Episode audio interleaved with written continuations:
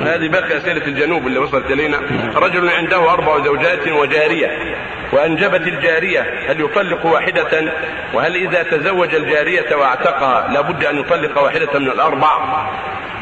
ليس له إلا أربع زوجات. إذا كان عنده جارية مملوكة ما تحسن من الزوجات. لأن الله جل وعلا قال فإن خفتم ألا تعدلوا واحدة أو ما ملكت أيمانكم. فالعدد من المماليك لا لا يضر. العدد إنما هو في الزوجات الأحرار أربع فأقل ولو كان عنده معهن خمس إماء أو عشر إماء لا يضره. لكن إذا اعتقها وجعل عتقها صداقة وزوجها لا بد أن تكون رابعة ما تكون خامسة. إذا تزوجها على خامسة ما يصح. يبطل هذا العقد. ليس له إلا أربع نعم.